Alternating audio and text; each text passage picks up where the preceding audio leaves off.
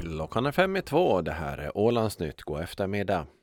Pengarna för skadeståndet efter elhybriddomen har nu överförts till Statens ämbetsverk på Åland.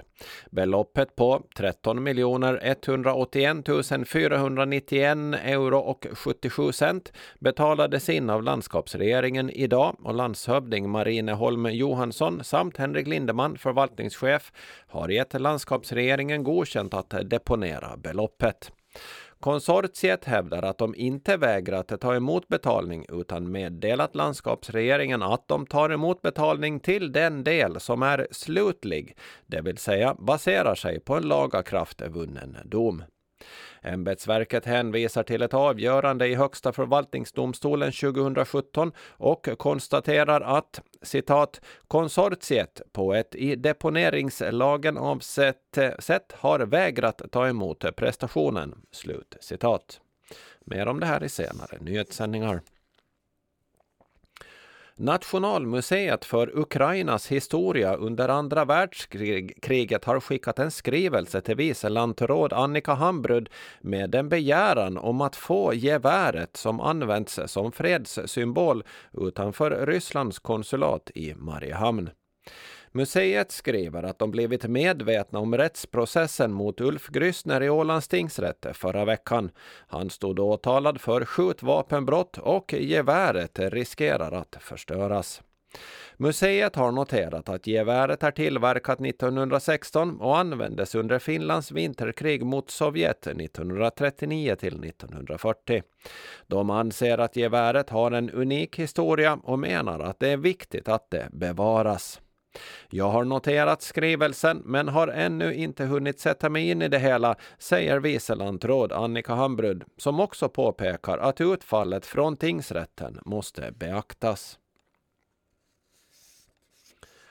Under en snabbinkallad presskonferens på tisdag morgon meddelade Svenska folkpartiets ordförande, tidigare Ålandsministern Anna-Maja Henriksson att hon inte ställer upp för omval som ordförande för partiet. Henriksson har tidigare meddelat att hon ställer upp som kandidat i EU-valet. Något som föranlett spekulation kring hennes möjligheter att fortsätta som partiordförande. Kandidaturen i EU-valet anser hon anger hon också som orsak till att hon inte ställer upp för omval. Enligt Henriksson behöver SFP arbetsro, men något nytt race kring ordförandeskapet eh, behövs inte nu. Därför bestämmer partiet på nästa partidag i juni om den nya ordföranden. För mig har det hela tiden handlat om att göra det som jag tror är bäst för SFP och vårt fält. Det har inte handlat om mig själv, säger Anna-Maja Henriksson. Hon har varit ordförande för SFP sedan 2016 då hon efterträdde Karl Haglund på posten. Hon är undervisningsminister i Petteri Orpos regering och var före det justitieminister i regeringen Marin. Ålänningen Linnea Lindholm och sex kollegor till henne är nominerade till Guldspaden 2024 i kategorin Etermedia Riks dokumentär för dokumentärserien Skamlös. Skamlös gjordes för SVTs Dokument inifrån och var under 2023 också nominerad till Stora Journalistpriset i Sverige. SVT rapporterar att årets Guldspade hade ovanligt många ansökningar med fler än 220 inskickade bidrag. Priset som uppmärksammar grävande journalistik har delats ut av Föreningen för grävande journalister sedan 1989. Årets pristagare tillkännages på ett seminarium i Gävle 22–23 mars. Och polisen söker vittnen till trafikolyckan som skedde på Nya Godbyvägen strax söder om Åsea och Jomala kyrka på måndagsmorgonen vid nio-tiden. Två personer skadades allvarligt vid frontalkrocken och polisen utreder ärendet som grovt äventyrande av trafiksäkerheten och vållande av personskada.